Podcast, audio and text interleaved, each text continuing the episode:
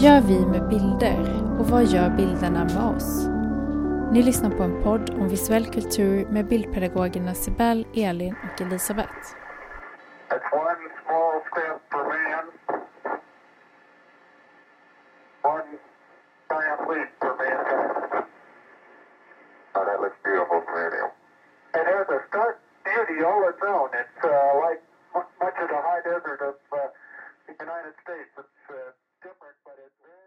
Jag såg den här filmen eh, First Man här om veckan.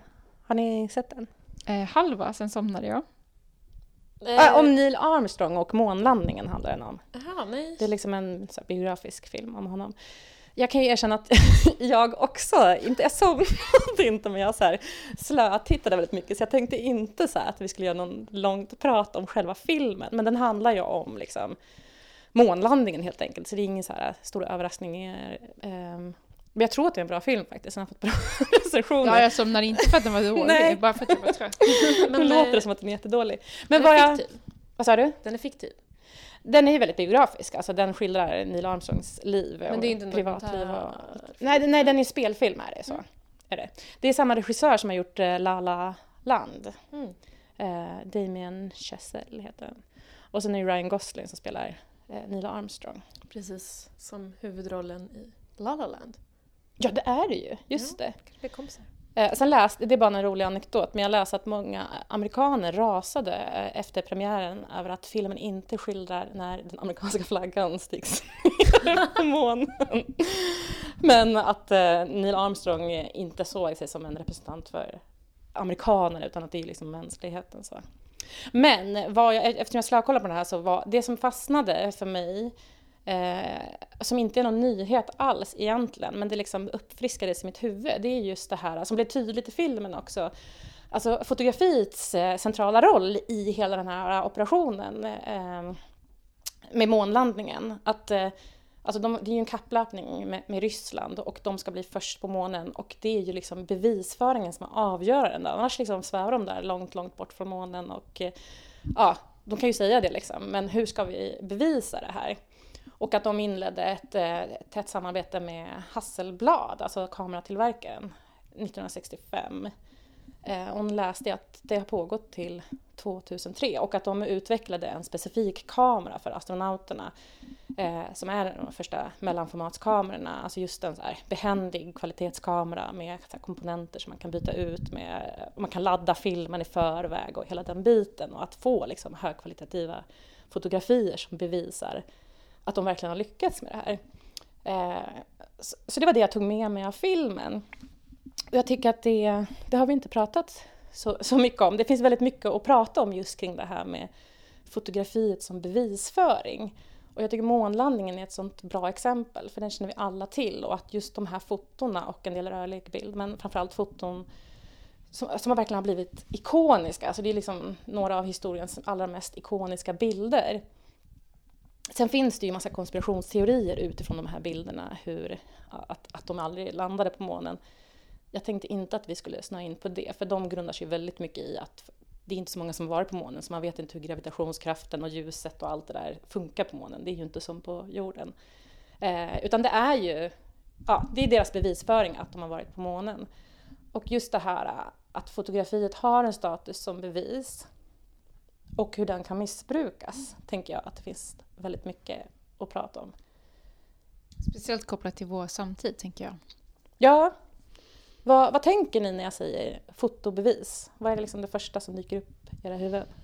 Eh, då tänker jag spontant på bilder från rättegångar. Eh, jag tänker på eh, övervakningskamerabilder. Jag tänker på så efterlyst bilder som skickas ut i massmedia. Ehm, och sen började jag också tänka på de här, eh, vad heter han som fotograferade inne i kroppen. Exempelvis ett eh, från befruktning till hur fostret växtes. Ja, det finns ju en jätte... han? Ja, han är typ... Ja. Eh, ja, du tänker på Lennart Nilsson. Yes, tack Sibel, tack. Eh, jag tänker också på hans bilder som någon slags... Eh, inte Alltså mer vetenskaplig. Ja, precis. Mm, just vetenskapligheten är väl också det jag tänker lite på. Förutom det här, rättegång, absolut, brottsligt och så. Eh, men också på, för det är en väldigt stor del av fotots historia, den här fascinationen av att kunna avbilda någonting och få bevis på att någonting finns och så. Men också hur det har gått snett. Och jag tänker lite på det här med rymden, som du var inne på Elisabeth också, så tänker jag på eh, hur vår bild av någonting så nytt och svårintagligt som rymden och planeter också har liksom i och med dokumentationen och bevisföringen hela tiden fått förändras. Vad, vad vi tror och vad vi vet om den. Eh, jag tänker från, liksom, och det här går ju väldigt långt tillbaka, från eh, Giovanni Schiaparelli eh, 1877 som menade att det fanns man, eh, gångar på Mars.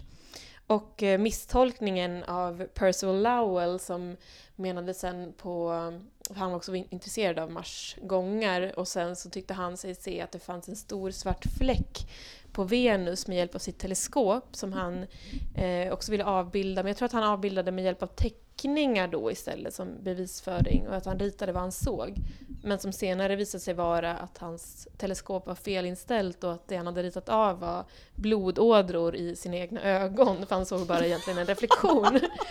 Eh, och så då också på skörheten i fotots eh, bevis... Eh, eh, ja, men, Bevisföring. ja, precis. Och att den hänger väldigt tätt ihop med teknologin blir också Mm. tydligt i det du säger. Och att det liksom från, från första start har det funnits en fascination kring fotografiets förmåga att avbilda verkligheten på ett väldigt naturtroget sätt. Och det är i sig väldigt förförande och som gör att vi liksom lätt köper eh, fotografiet som någonting objektivt. Mm.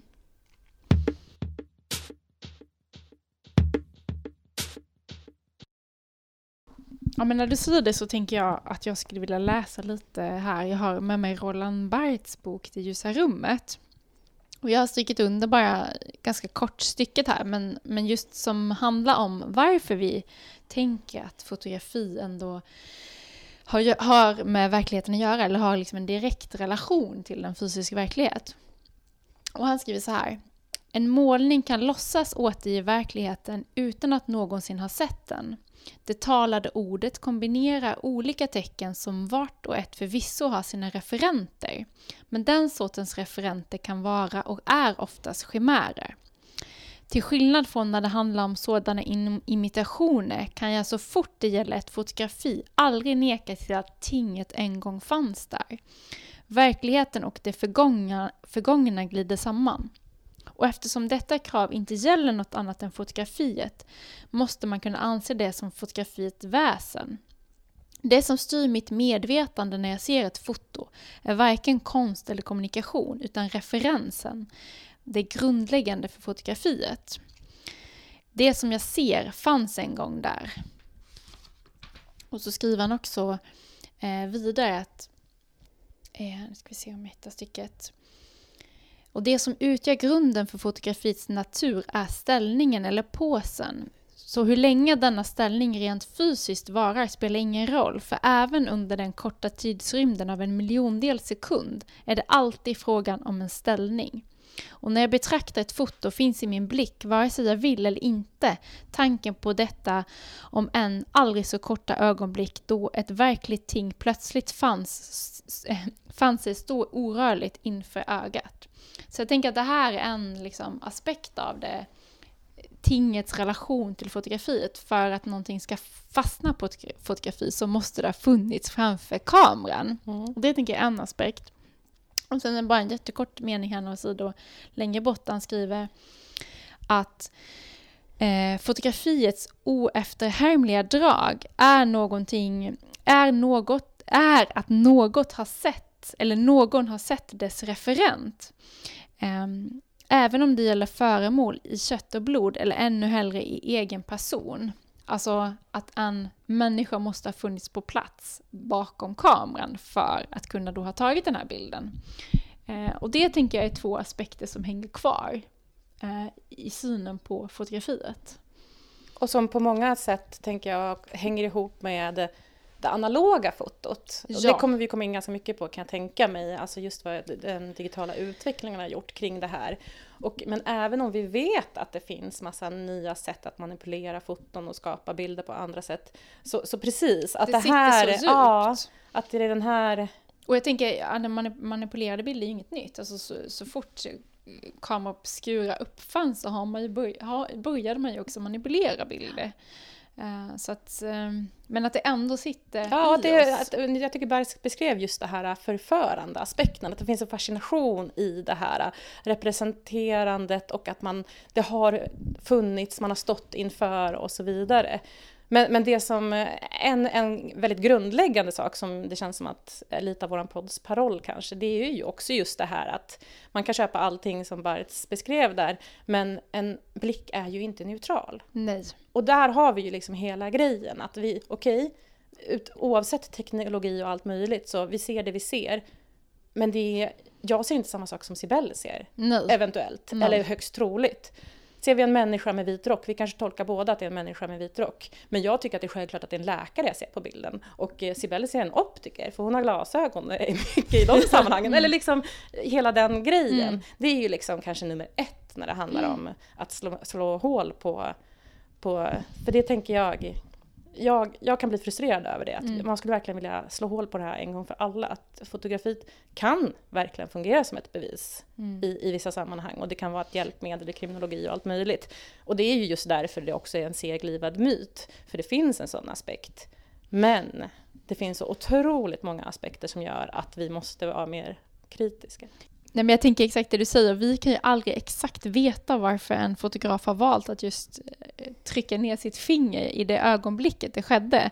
Eh, så det enda vi har i förhållandet mellan oss och själva bilden, tänker jag. Så vi har ju liksom fotografens sanning, mottagarens sanning och sen beroende på vad bilden då, vad vi möter, den publicistens sanning. Så det är ju liksom, det är ju helt kontextberoende. Precis, och eh, det som Roland Barthes skriver om, och jag tänker typ egentligen allting, för jag tänker grundaren till väldigt mycket av eh, fotoanalys eller teori kring foto är egentligen Susan Sontag och eh, hennes bok On Photography. Eh, Men jag tänker en annan efterträdare utöver Roland Barthes som pratar vidare om det här egentligen då är eh, Alan Sekula. Och han har också då släppt en bok eh, som heter Photography Against the Grain. Och han utvecklar väl lite grann det här Barth säger också. Eh, speciellt i ett kapitel som heter Dismantling Modernism Reinventing Documentary. Oj, vilket, säg det en gång till, långsammare. Ja, Dismantling Modernism Reinventing Documentary.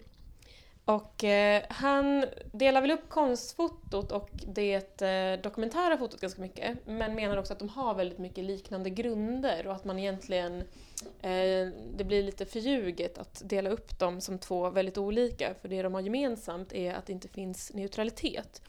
Så eh, fritt översatt av mig här så skriver han den enda objektiva sanning som fotografier erbjuder är att någon eller något, och här kan det också vara en automatiserad kamera, det behöver inte vara en fotograf som för ner eh, avtryckaren, eh, men var någonstans och tog en bild.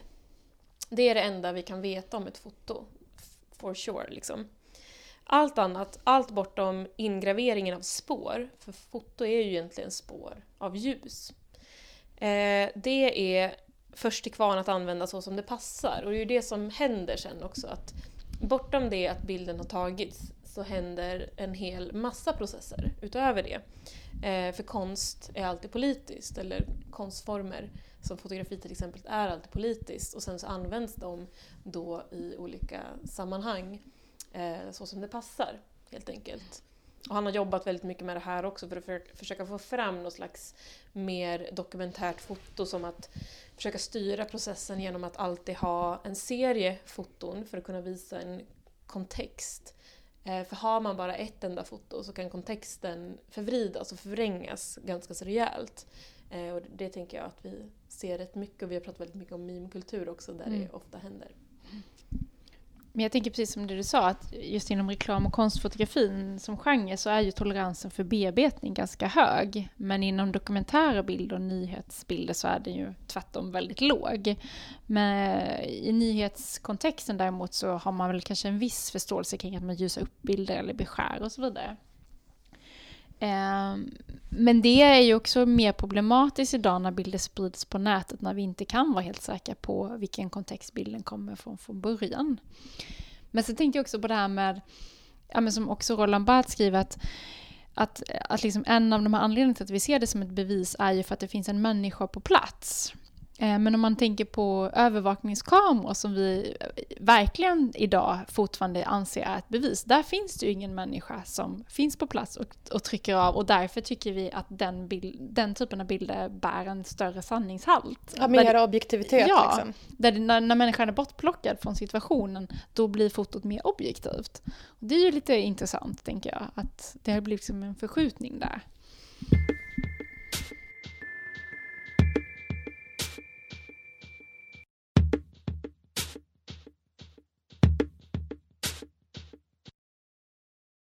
Jag ska inte säga att jag har läst, men jag har ögnat igenom Lars Wallstens avhandling Anteckningar om spår, fotografi, bevis, bild. Eh, som eh, han disputerade 2011 på Göteborgs universitets konstnärliga fakultet och det är konstnärlig forskning eh, inom fotografisk bild. Då. Eh, och jag kan inte riktigt summera hans avhandlingar. Jag vet inte riktigt om det kanske ens finns någon summering. För i konstnärlig forskning så kan liksom, man kan förhålla sig väldigt fritt i formen och det har han gjort. Eh, så den är ganska fragmentarisk faktiskt.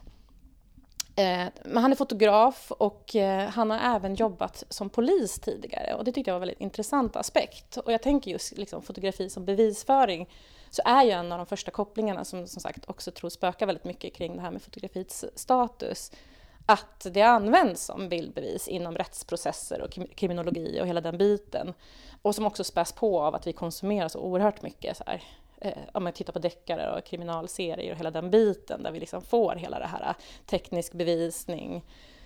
Eh, så jag vet inte om det här blir lite anekdotiskt, men jag tyckte det var ganska, det var liksom flera så intressanta aspekter. Om man tänker Eh, ja, men fotografi, dels kan ju fotografi vara så otroligt mycket och nu har vi liksom kommit in på dokumentärfoto, konstfoto journalistik och så. Och han nämner också just att på ett sätt kan det liksom nästan, ja, men inte, inte förmätet, men det kan bli ganska fel att prata om fotografi som en enda genre. För det är så otroligt mycket olika sorters fotografigenre som står för olika saker och så.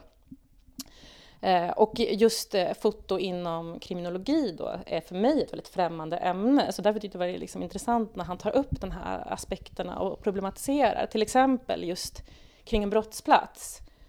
Eh, den som fotograferar då brottsplatsen, vilket ansvar har den för hur man då trycker av kameran och riktar kameraobjektivet mot olika platser? Alltså vad, vad, vad, vad, vad tänker den personen bakom? Och har det någon utbildning kring foto eller hur ser en typiskt eh, fotobevis ut? Alltså det ska vara ganska rakt upp och ner kan man tänka sig, det är inga konstnärliga vinklar och så, men hur avbildar man någonting på ett, ja men det här med att avbilda någonting på ett objektivt sätt.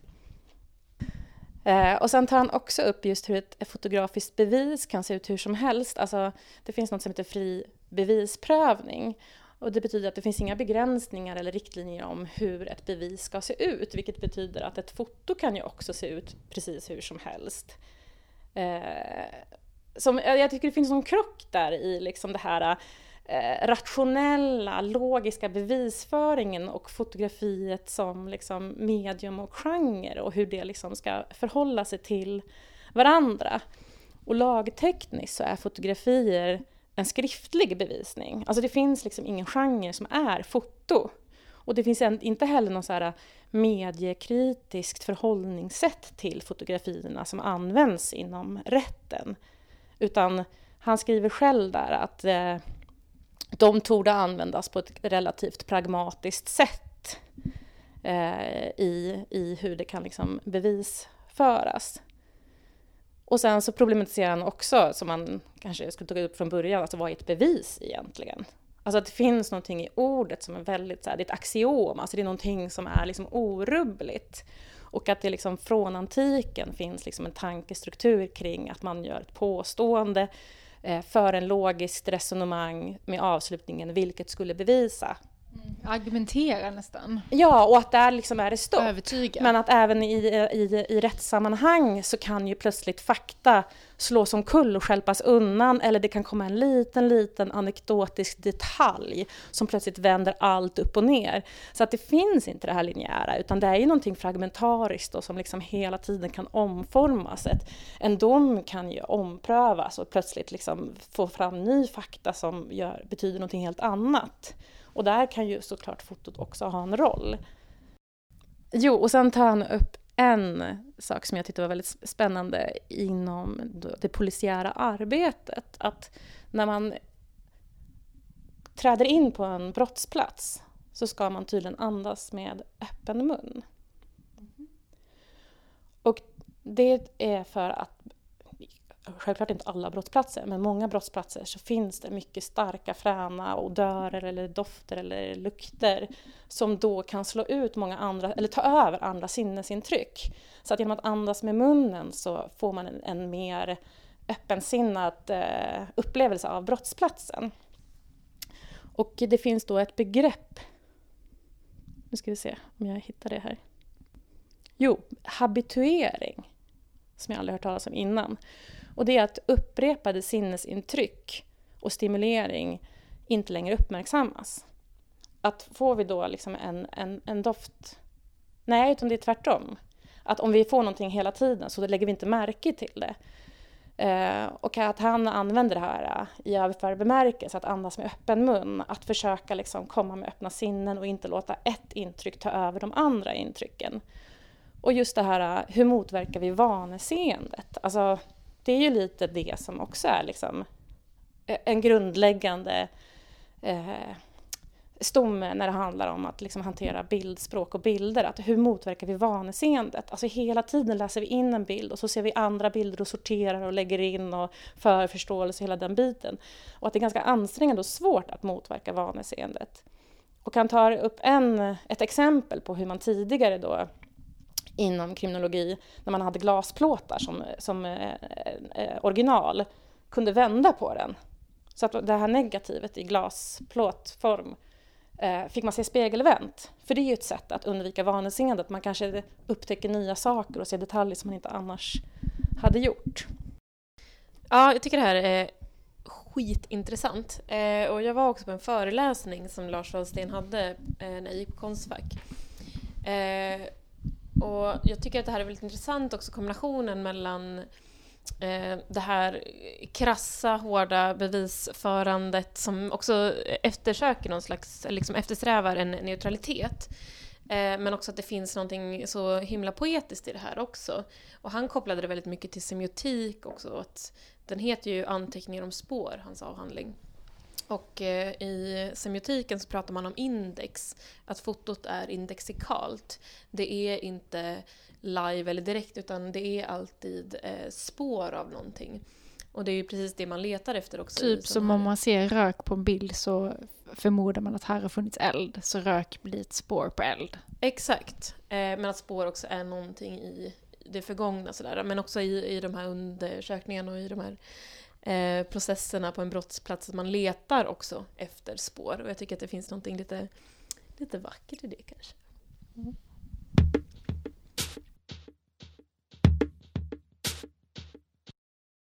Hittills har vi pratat lite grann om eh, fotografi som bevisföring eh, lite bakåt i tiden, fram till cirka 2011 nu då. Eh, men jag tänkte göra ett litet hopp till nutid och hur det kan se ut idag om ni är okej med det. Eh, och då tänkte jag höra med er om ni känner till Forensic Architecture? Nej. Nej. Nej, vad bra. Ska jag berätta för er? Eh, ja, men Forensic Architecture är ett slags forskningsprojekt kan man säga. Eh, och det är på Goldsmiths. Det är de som håller i det här. Och de riktar sig mot, nu blir det återigen fri översättning här, men internationella åtalsteam, politiska organisationer och även FN. Och de har jobbat ganska mycket med Amnesty International. Eh, och det de ska göra det är alltså att ta fram bevis Men man kan också säga att det de gör är att ta fram bilder där det inte finns bilder. Så det de gör är att de samlar in till exempel vittnesmål Eh, och eh, satellitfoton, läckt material på internet, på Facebook och på kanske mer eh, ljusskygga hemsidor. Och sen försöker de att återskapa bilder utifrån det här och även då arkitekturer, alltså det här med forensic architecture. Eh, och de har hur många fall som helst. Så om man googlar på forensic architecture så kan man se då på deras sida alla eh, mål som de har haft, kan man säga.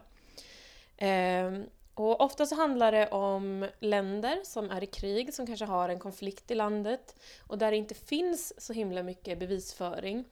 Eh, ofta som de grupper som kanske strider emot eller är rebeller gentemot en regim. Eh, då kan det också bli så att i en del länder så eh, skapar man striktare lagar om, om vad som får finnas på internet eh, som gör att de här bilderna aldrig kommer fram. Så det de gör då, det är till exempel i eh, Kamerun som är i krig med Boko Haram, som är en, ska man säga, en extremistgrupp kanske. Och där då eh, regimen också har en slags eh, säkerhetspolis eller en säkerhetstjänst eh, som man kan säga då är, har mycket mer makt. Och de stöds av USA också, eh, Eh, av flera europeiska regeringar. Eh, de beväpnas av israeliska privata företag, så där, bilder handlar ju alltid om makt. Så bristen på bilder handlar kanske också om makt, för att det är farligt då eh, om man stöter sig med med de här stora makterna. Eh, och det man då velat ta fram från det här materialet som man samlat in, det är bevis för tortyr av civila eh, som har, eller misstänks ha, samröre med Boko Haram. Och det de gör då är att eh, det kanske är helt omöjligt att fotografera de här platserna där de här tortyrerna sker. Det finns till exempel en eh, ockuperad skola, har de tagit fram, där de har märkt att det här finns. Eh, men det är helt avspärrat och det är väldigt svårt att, att få någon slags insyn. Så då har man då de här vittnesmålen och eh, satellitfotona för att försöka skapa då en mer tydlig bild av, av vad som försiggår där. Eh, för att man ska kunna använda det som bevisföring när till exempel FN eller Amnesty International ska skapa material för att ja, få fram någon slags opinion. Men när du säger ta fram bilder då, alltså, då menar du Man gör typ, rekonstruktion. ja, ja, pre- eller, Nästan eller typ intervjuar folk som har varit med om saker. Vad de har alltså, sett, hur det såg ut och sen så återskapar de efter deras minne hur, hur men det är mer eh, foto- filmade vittnesmål då, alltså Eh, någon som man- berättar eller vad är det för slags liksom, visuellt, vad är det för foton? Precis, det är rekonstruktioner, ofta typ ibland tredimensionella men någon slags eh, 3D-rendering skulle man kunna säga.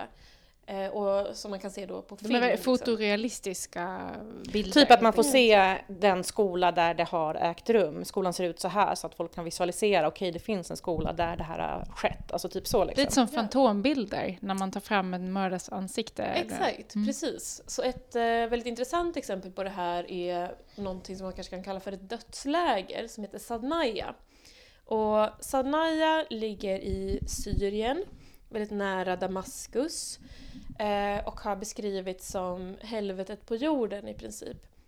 Eh, där då fångar som har eh, varit emot regimen och eh, mot president eh, al-Assad då eh, som är regimkritiska rebeller eller civila som misstänks ha något samröre med de här. De tas, tas då först till en plats eh, där de förhörs under tortyr. Men då menar de att det är rena himmelriket i jämförelse med Sadnaya i de här intervjuerna som har gjorts. Då. Och när man åker till Sadnaya så har man ögonbindel på sig under hela färden, så man vet inte vart man åker. Man har också ögonbindel och vistas i totalt De här mörker. vittnena berättade. Precis, de här eh, civila som är regimkritiska som tas då till det här lägret. Eh, de ser i princip ingenting. Det är helt mörkt. Eh, de har ofta då eh, bindel för ögonen och så. Men de har ju sin hörsel. Så utifrån att de har fått beskriva i vittnesmål då om vad de har hört. Det kanske är en vattenläcka, de hör att det droppar. De hör en ventilation. då kan man också skapa då rekonstruktioner av hur ljud eh, färdas här via ventilationer och vart det finns luftrum och sådär. Eh, de kommer ihåg en jättefin historia är en, eller den är ju helt vidrig såklart, men eh, ett fint exempel är en person som hade jobbat som, eh, han hade gjort kakelplattor. Så att han hade liksom eh, känt efter på golvet då eh, och använt känseln som ett vittnesmål eh, kring vad det var för material. Han kunde liksom säga exakt vad det var, vilken storlek det var, hur många man kan lägga i ett sånt rum och så. Och det var ju ett jättestort hjälp för att kunna rekonstruera hur det här rummet såg ut. Eh, och sen också att flera då vittnade om den här platsen så kunde man också kartlägga hur många som var där ungefär samtidigt eh, utifrån vilka de hade träffat och vilka röster de hade hört. Och då kunde de också göra en rekonstruktion av hur rummen låg på rad och så vidare. Och då skapa en uppfattning om precis hur den här platsen såg ut och var tortyren också skedde och man kan lägga fram det till slut då som bevisföring. Och de jobbar ju med jättestora organisationer. Eh, men det här tycker jag är ganska intressant, eh, behovet av bilden. Eh, just också om man kopplar tillbaka till den här månlandningen att hade vi inte haft någon bild där så hade man kanske inte trott på det. Men här då försöker man rekonstruera genom alla sådana här små detaljer om hur en plats har kunnat se ut för att kunna använda i en rättegång som bevismaterial även om det är helt konstruerat så stärker det liksom vittnenas, eller de, de som varit med om det, deras röster stärks av rekonstruerade bilder som gör att platsen manifesteras istället för att den bara är en abstrakt återbeskrivning. Platsen blir verklig. Liksom. Ja. Exakt, så har man bara ett vittnesmål till exempel, då kanske, har man ett, eh, en rättegång med en jury till exempel, då kanske det blir eh, för abstrakt. Men då har man bilder om hur den här personens vardag såg ut när den förs ut ur cellen, till ett förhörsrum där den förhörs och förmodligen torteras eh, och sen förs tillbaka. Och man kan få se också en rekonstruktion på hur man hör skriken från de andra cellerna som ligger i närheten. Då blir det ju såklart ett mycket starkare vittnesmål och ett starkare åtal, man ska säga, gentemot då, ja, men regimen exempelvis. Och det är det de håller på och samlar in och har flera mål. Men jag rekommenderar verkligen att gå in och kolla på. Jätteintressant. Ja, verkligen. Och det, jag tänker, alltså, det, är, det är definitivt liksom en form av bevisföring. Men jag tänker också just att, att bilderna får verkligen en, en retorisk roll i liksom att övertyga. Att liksom, ja, men just den här äh, dialogen mellan bilderna, alltså deras vittnesmål och röster och bildens äh, som, som stärker det. Alltså, det finns, ja, det blir, alltså man tänker retoriskt att det är liksom logos, att så här, alla deras röster leder till den här rekonstruktionen där vi kan få liksom en, en rumslig eh, eh, bekräftelse av vad de har, har sagt. Det är ja, jättespännande. Och vikten av illustration liksom, också. Men är det mer än, nu, nu var vi mycket inne på, på det rumsliga, alltså de gör rekonstruktioner av byggnader och, och rum och sådana saker. Mm. Men kan det vara andra sorters bilder också? Eller är det mycket liksom eh, kopplat till platser där, där saker har ägt rum? De har ju fokus på arkitekturen, liksom, att bygga, bygga upp rum och eh, skapa en bild av, av, byggnader och så. Men sen så kan man ju också rekonstruera situationen genom att man placerar in då människor och eh, gör ett slags, eh, ja men en animation. Det är väl inte en animation det är, eller det blir till slut då. Eh, en till sak som Lars Wallsten nämner i sin avhandling, det är just alltså hur man förhåller sig till liksom, alltså, ny teknik till det fotografiska mediet. Eh, och tydligen så jobbar man inom rättsväsendet, skriver han, ehm, eh, kring eh, alltså hur man behandlar foto, fotobevisen eller fotografierna i sådana sammanhang eh, gör de själva att de försöker behandla dem som analoga foton. Alltså just det här, eh, tidigare har det verkligen varit en väldigt starkt fokus på, på negativet, alltså originalet. Att man alltid kan återgå till originalet och titta, hur ser det ut här? Om det har liksom skett någon manipulation eller jag vet inte vad. Eh, men när det försvinner med digitalt foto så liksom skapas en större osäkerhet och hur man ska förhålla sig till det. Sen tyvärr så fick jag inte är det inte så mer utförligt, men vad han skriver är att det liksom finns en anakronistisk anda där, att man behandlar det digitala fotot i de bilder som de själva liksom skapar eller åter, återger inom rättsväsendet, att de försöker behandla det som eh, analoga foton med ett original och att det liksom skickas vidare, eller liksom, ja, en sån hantering. Och jag tycker det är ganska intressant för att det är ju precis, alltså det finns, det finns väldigt mycket problematik kring analogt foto också. Men om man tänker liksom teknikutvecklingen och det vi står, eller idag använder vi ju nästan bara digital teknik inom fotografi. Eh, och det händer ju väldigt mycket kring AI-teknik och deepfakes och allt möjligt. Och här är det ju liksom många nya lager som läggs på det här med det kritiska ögat och hur vi, ja, hur vi ska hantera fotografier. Har ni, har ni några tankar? ja, nej, men jag tänker att det här var väl också kanske lite anledningen till att vi ville prata om det här just för att det är så aktuellt och att man diskuterar väldigt mycket falska bilder och att ljuga med bild och så vidare. Och det finns ju krafter på nätet som aktivt vill sprida disinformation. Eh, men det vi har pratat lite om innan vi började spela in också handlar just om att vi jag tänker just den här skillnaden mellan att säga ljuga med bild eller med bevisa med bild. Att det finns liksom en... Eh, det, det, ja, men det är en skillnad och jag tänker att för att bevisa någonting så häng, det hänger, ändå hänger ju även ihop med just med att övertyga och eh, övertala. Och många av de bilder som sprids på nätet hamnar ju kanske inom den genren. Eh, Snarare än att man aktivt vill ljuga, tänker jag. Att man just försöker bevisa någonting. Eh, övertyga andra människor om att ens föreställning eller världsbild är sann. Så det hänger ihop liksom med någon slags sanning istället för att man ljuger. Eh, och jag vet inte om jag, jag vet inte om ni håller med, men eh, och jag tänker liksom att eh, i och med att bilden i sig är ett försök att övertyga om en viss föreställning eller världsbild så spelar det inte så stor roll om den enskilda bilden är falsk eh, för att man försöker bevisa en större sanning. Alltså det blir mer som en propagandistiskt sätt att använda ett, ett fotografi på. Nej, men några nya nya tekniker kan man säga för att använda bilden som bevisföring är ju exempelvis eh, att man gör en kontextförflyttning. Att man tar en bild från ett, eller ett foto från ett sammanhang och presenterar den i ett nytt sammanhang, exempelvis då på ett eh, Facebook-inlägg. Eh, ett känt exempel är väl den här äldre pensionerade kvinnan som är blåslagen. Eh, hon har ramlat, eh, men sen var det en högerextrem organisation som tog upp den här bilden och presenterade den i ett Facebookflöde tillsammans med en text som beskriver att hon då har blivit misshandlad av eh, nyanlända. Så bilden användes i ett rasistiskt syfte, den plockades ur sitt nyhetssammanhang. Eh, så att byta kontext är ju ett sätt, att, eh, bevis, att jobba med bevisföring och bild.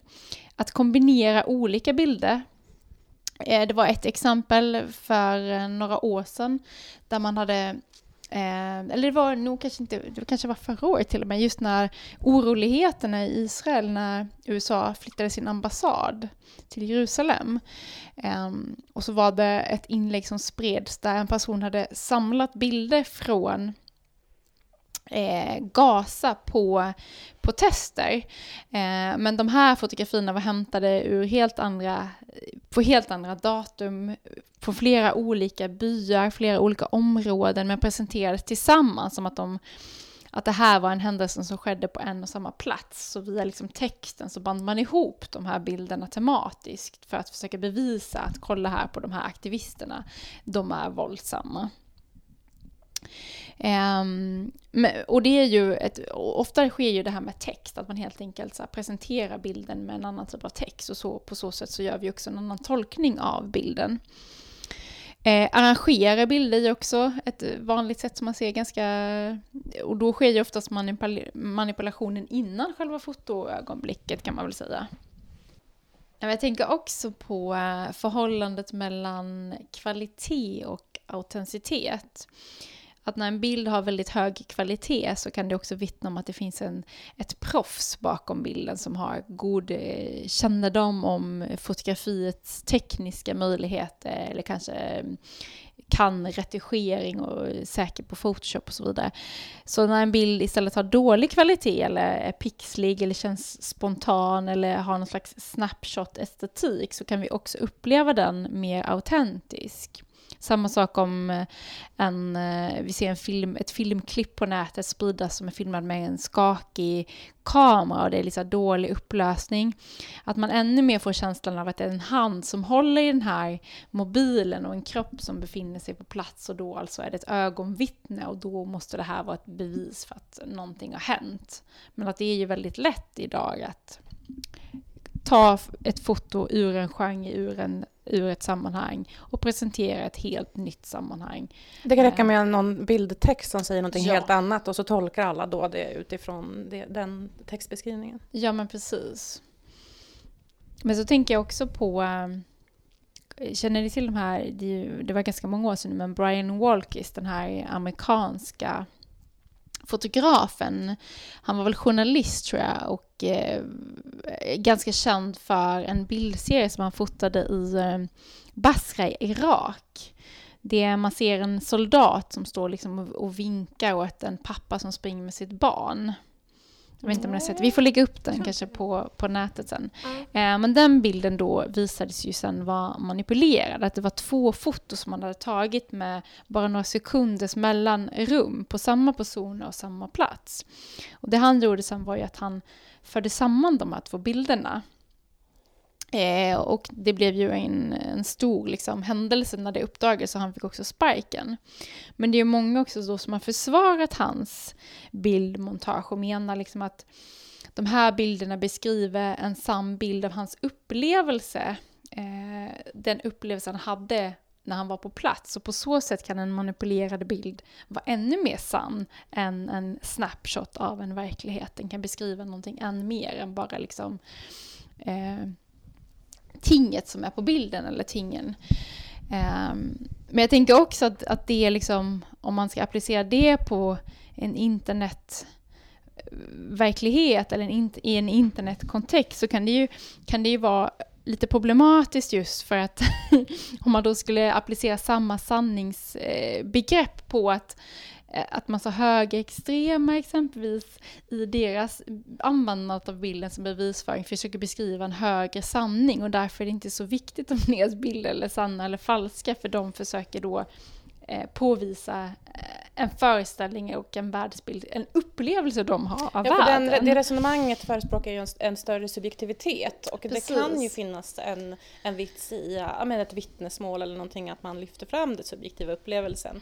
Men som du beskriver så kan det bli väldigt godtyckligt eh, istället och vems, vems upplevelse av världen och föreställningar och hela den biten. Ja, och sen funderar jag också på just att det här med att ett fotografi, ett fryst ögonblick, att det också kan göra att vi eh, på ett sätt är mindre förlåtande. Jag tänker om man tittar på en eh, dokumentär eh, och alla de här konspirationer som sprids på Youtube så är, är vi ju ganska många ändå som kan så här, föreställa oss att det är en person som har gjort den här och det är en vinklad hit och dit. Vi kan ha liksom ett samtal kring det här, men när det gäller ett foto just att det är ett fryst ögonblick, att det finns inget före och inget efter, utan det är bara det vi ser just där. Att det gör också, att, att det kan påverka synen på att det är eh, att fotografiet är mer sant. Förstår ni vad jag menar? Att det är liksom ett enda utsnitt. Det är liksom inte en hel dramaturgi, en handling bakom. Ja, det påstår inte för mycket Nej. utan det påstår bara, Det bara exakt är. det vi ser. Men det är Det det, vi också har, precis. Ja, men precis. Men det är det vi också har sagt att det är inte bara det vi ser. Nej, nej. Men, att det är mycket också- svårare, med mindre information är det också svårare att genomskåda eller överhuvudtaget kanske ha en åsikt om, om en bild. Ja, men verkligen. Och det du beskrev för först där är ju liksom just internetkontexten. Där är det ju närmast omöjligt idag med den takt som bilder sprids och alla delningar som gör att det blir nya avsändare hela tiden så är det ju väldigt svårt att liksom Ja, vi ser det vi ser men vi vet inte vad vi ser och vi vet inte om det stämmer i den kontext som beskrivs och så vidare. Nej. Men jag tänker också, du nämnde, eller det är lite olika saker, men just alltså det här gemene man som sprider nyhetsbilder och allt möjligt på, på nätet i en väldigt komplex eh, eh, verklighet. Men också just det här med journalistikfotot, att eh, alltså det finns ju pressetiska regler som är riktlinjer för hur man- får fotografera och hur man får inte manipulera och så vidare, att man inte ska på något sätt vilseleda läsaren eller betraktaren som, som tar del av det här äh, mediumet. Men, äh, men det är ju också, det är ju någonstans en diskussionsfråga, att hur mm. blir vi vilseledda? Och det finns ju sådana fall där man till exempel gjort en väldigt skarp beskärning. Och det kan ju, ja, alltså just när man fotar överhuvudtaget. Alltså när man, när man riktar kameran någonstans så har man ju gjort en, en beskärning. Alltså man har gjort, valt ett bildutsnitt när man har plockat bort vissa saker. Eh, och sen när man har det fotot så kan man göra ytterligare en beskärning där man kanske plockar bort en person för man tyckte inte att den var relevant i den nyhetsartikel där man beskriver andra. Men plötsligt så kanske det bara två personer står där fast de egentligen hade sällskap av många fler. Är det att vilseleda betraktaren och läsaren eller är det att förtydliga det man säger i sin artikel? Alltså det finns ju mm. väldigt många nivåer av tolkning i, i, i, även i de pressetiska reglerna. Så att, ja, det är väldigt komplext helt enkelt. Ja, och jag tänker om man jämför med text också när man beskriver någonting. Om vi, om vi tänker den här bilden med eh, soldaten eh, och, och det här barnet och pappan. Alltså om man skulle beskriva det i text så kanske texten hade varit mer lik den manipulerade bilden om man säger så. Alltså upplevelsen av att befinna sig på plats. Eh, så på så sätt är ju liksom fotot mindre förlåtande än hur man, hur man liksom uttrycker sig i en text. Förstår ni vad jag menar? Och det tänker jag också liksom. Men där tänkte jag, oj nu avbröt jag, men jag måste bara säga att... Och jag vill inte försvara manipulerade bilder, men jag tänker ändå, och därför kommer jag också tänka på, förlåt nu avbröt jag dig tillbaka, Donald Trump-installationen. Just den här, de här två bilderna som sprids av eh, som spreds i efterhand. Då har vi den ena Donald Trump och hans hela liksom, pressavdelning eh, som, som visar ett, ett bildutsnitt eh, som är taget ganska mycket framifrån och det är liksom ganska nära publiken och det ser ut som att det är sjukt mycket folk. Eh, och sen har vi då det här flygfotot eh, som en eh, nyhetsbyrå har fotograferat eh, ovanifrån och då ser vi att det inte alls är särskilt mycket folk. Och då kan man ju då hävda såklart att Donald Trump ljuger med den bilden, eller han försöker bevisa någonting som inte är sant. Samtidigt som man befinner sig på plats där och står där längst fram ner så kan man ändå upplevelsen av eh, folkmassan kan ju ändå vara sann för de som stod där. Så när jag tänker att det blir, och i text kanske man hade beskrivit det på det sättet också, men att en bild blir så Ja men just att det är ett fryst ögonblick så blir det också så definitivt på något sätt. Ett för och ett mot. Jag tycker också det här är intressant om man ska länka tillbaka till Allan Sekula som menar liksom att det är väldigt viktigt att man presenterar flera bilder för att skapa en ja, kontext. Ja, precis.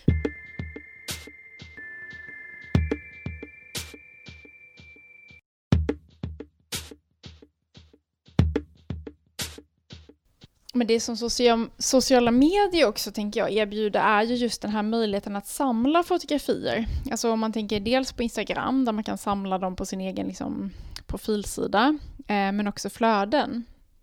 Och då tänker jag att fotografiet också har mer, på ett sätt mer gemensamt med rörlig bild. Eh, när flera bilder tillsammans skapar liksom ett större narrativ, en större sanning om en person. Eh, alla mina Instagram-bilder tillsammans sta, eh, skapar berättelsen om mig. Eh, och det tänker jag också är intressant i den här diskussionen om ja, fotografiet som bevis eller fotografiet som sant. De här större berättelserna. Hur tänker ni kring det? Ja, men jag tänker också på det här med att en bild aldrig är ensam. För det har ju vi pratat om också ibland när man ser en bild ur kontext och så. Men att en bild är ju alltid en reaktion på en tidigare bild och bildkulturer i stort. Liksom. Och det blir ju också lite samma, gram, samma grej på Instagram också. Att vi gärna läser ihop, även om vi ser dem sådär i flödet, Eh, så då kanske vi läser ihop de andra bilder som vi ser i flödet. Alltså då blir det som att det finns mm. olika upphovspersoner men vi läser ändå ihop. Mm. Och ens eh. egen bild som man publicerar plötsligt kan börja liksom samspela med eh, vitt främmande bilder som inte jag har kontroll över då. För jag vet inte hur ditt flöde ser ut, även om du följer mig så dyker min bild upp på ett nytt sätt i ditt flöde. Ja, och det kaoset kan jag tycka är ganska härligt. Eh, men går man in just på en persons eh, eh, flöde som när man ser i det här rutnätet, då kan man ju istället liksom få ett helt annat narrativ som är lite mer kanske regisserat. Jag tänker speciellt liksom med influencers eller lite sådana större, sådana med stor ska man säga, sociala medier-närvaro så kan man ju lätt få en, en bild som förmodligen också är rätt uttänkt men när, också när det inte är uttänkt så får man ju en känsla av eh, narration.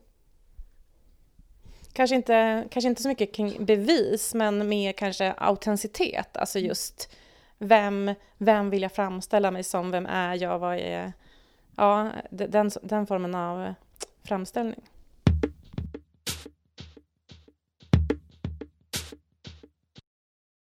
Om man kopplar tillbaka till det som Roland Barthes pratar om och som vi har tagit upp flera gånger, den här relationen mellan eh, verkligheten som fotografiet avbildas och fotografiet och eh, upphovspersonen, alltså den person som befann sig på plats och tryckte på kamerans knapp. Att det är liksom inbakat i fotografiet, men nu ser vi också en, vi går mot en framtid där AI är bildproducenter. Eh, och det finns ju jättemycket exempel på nätet med väldigt fotorealistiska bilder där det inte finns en verklighet avbildad och det finns ingen upphovsperson utan vi har bara alltså, bilden i sig. Och det tänker jag kommer ställa till en hel del och, och också bli ganska intressant att följa den utvecklingen. När det inte finns en verklighet och det inte, när, när, det, när ett foto föreställer en människa som inte existerar och det är ingen fotograf som har tagit bilden. Hur förhåller vi oss då? Hur ska vi liksom, apropå sanning och bevisföring och ljuga. Det kommer ju bli väldigt komplicerat i framtiden.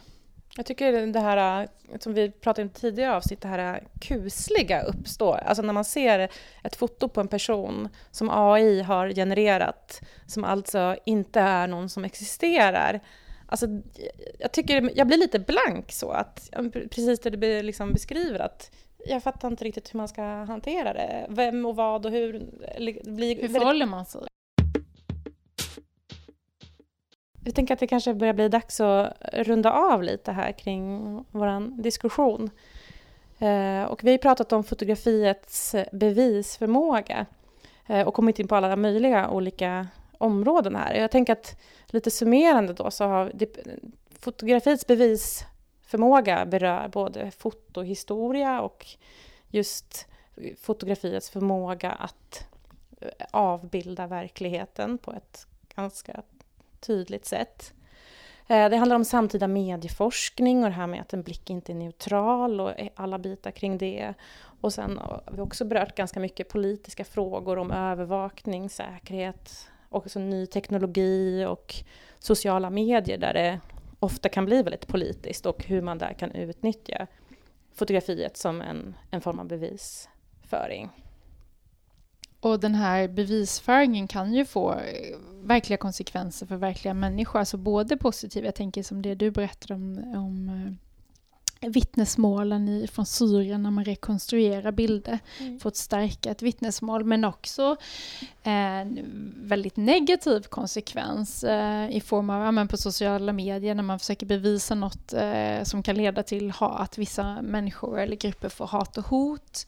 Men också att fotot i sig på ett sätt kan vara farligt just för att det också kan leda att du hamnar i fängelse Eh, Eh, men också faktiskt riskera att eh, avrättas. Det finns ju ändå eh, ganska mycket exempel i historien, bland annat, och säkert i nutid också, där man har befunnit sig på bild och ehm, i ett sammanhang som sen har gjort att en regim eller en grupp på något sätt har sett det som ett bevis för att du då kanske har en viss typ av åsikt eller liknande och därför också har avrättats.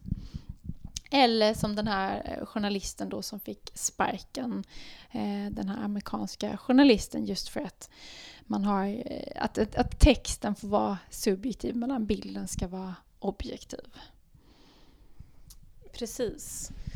Eh, och jag tänkte avsluta genom att citera eh, John Batens som om realistisk fotografi skriver så här. Fotografisk realism är aldrig bara mimetisk, alltså avbildande, men kanske snarare produktiv eftersom den uppfinner nya sätt att presentera världen. Eh, så det är ju ett sätt att se det också, att eh, istället för att man bara avbildar någonting som är, så är det istället en del av en slags eh, produktionskedja av, av sätt att se på världen, där det kommer någonting mer som skapar tankar, att det liksom stannar aldrig upp utan det föder alltid någonting nytt. Alla foton är med och skapar eh, vår föreställning om, om, om, om världen.